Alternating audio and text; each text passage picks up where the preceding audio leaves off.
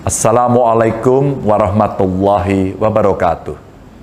Kepada Buya Safi Ma'arif, saya belajar bagaimana menjadi manusia yang beragam, menjadi manusia yang bernegara, tidak meninggikan diri pada sesama, dan bersahaja kepada siapa saja.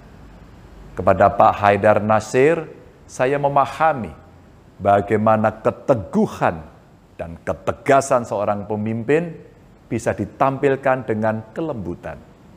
Muhammadiyah dari masa ke masa selalu melahirkan tokoh yang tak terhingga kontribusinya kepada republik ini. Terlebih di masa pandemi ini, betapa semua amal usaha yang dimiliki jadi salah satu pelita bagi masyarakat. Selamat milad ke-108 untuk Muhammadiyah. Semoga kita senantiasa diberi kekuatan menghadapi pandemi dan terlepas darinya.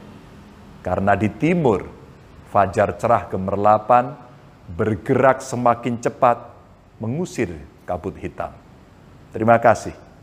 Wassalamualaikum warahmatullahi wabarakatuh.